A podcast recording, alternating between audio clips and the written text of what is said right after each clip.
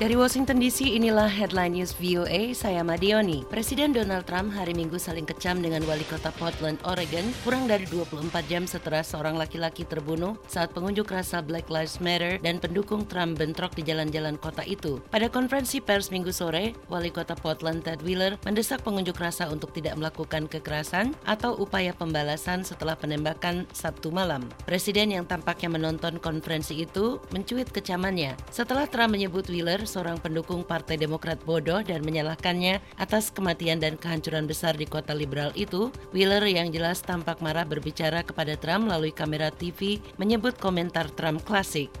It's you who have created the hate and the division. It's you who have not found a way to say the names of black people killed by police officers, even as people in law enforcement have.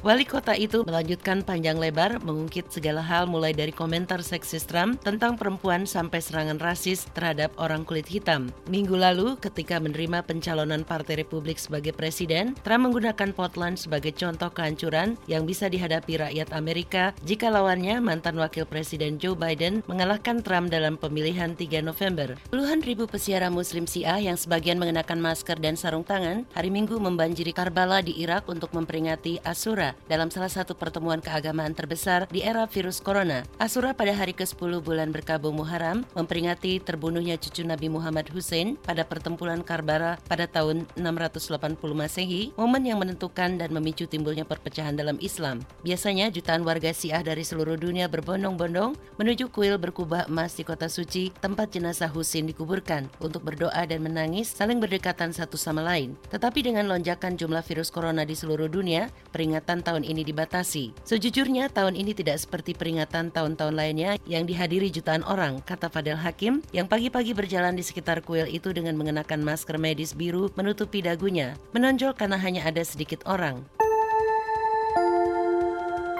The Voice of America.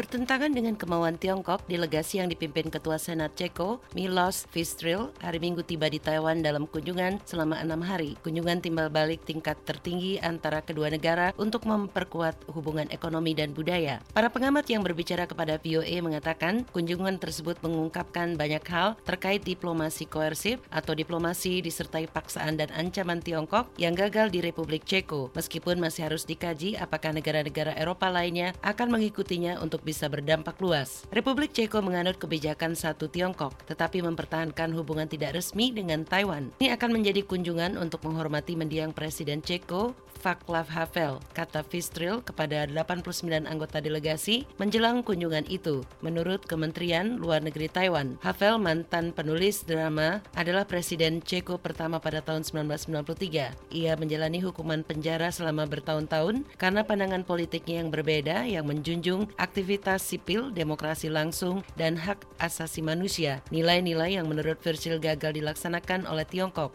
Yunani telah melakukan serangkaian latihan militer di bagian timur Laut Tengah, demikian menurut pejabat pertahanan nasional negara itu. Menurut pengumuman pejabat tersebut, bagian dari program yang diselenggarakan dari Senin hingga Kamis itu adalah latihan aeronautika skala besar di Tenggara Pulau Kreta, Kasos, dan Karpathos dan Selatan, Castello Rizzo. Kapal-kapal perang, kapal selam, helikopter, dan jet tempur F-16 ikut dalam latihan itu. Awal pekan lalu Presiden Turki Recep Tayyip Erdogan menuduh Yunani membahayakan keselamatan navigasi dengan latihan latihannya. Dalam beberapa pekan terakhir, pasukan Turki dan Yunani terlibat dalam serangkaian latihan militer di laut antara Siprus dan Pulau Kreta Yunani. Konfrontasi tersebut dipicu ketika Turki mengirimkan kapal penelitian disertai kapal perang Amerika hari Minggu mencatat hampir 6 juta kasus virus corona. Demikian menurut data dari Universitas John Hopkins. Empat negara bagian di barat tengah Amerika baru-baru ini melaporkan rekor peningkatan kasus baru dalam satu hari. Iowa sekitar 785,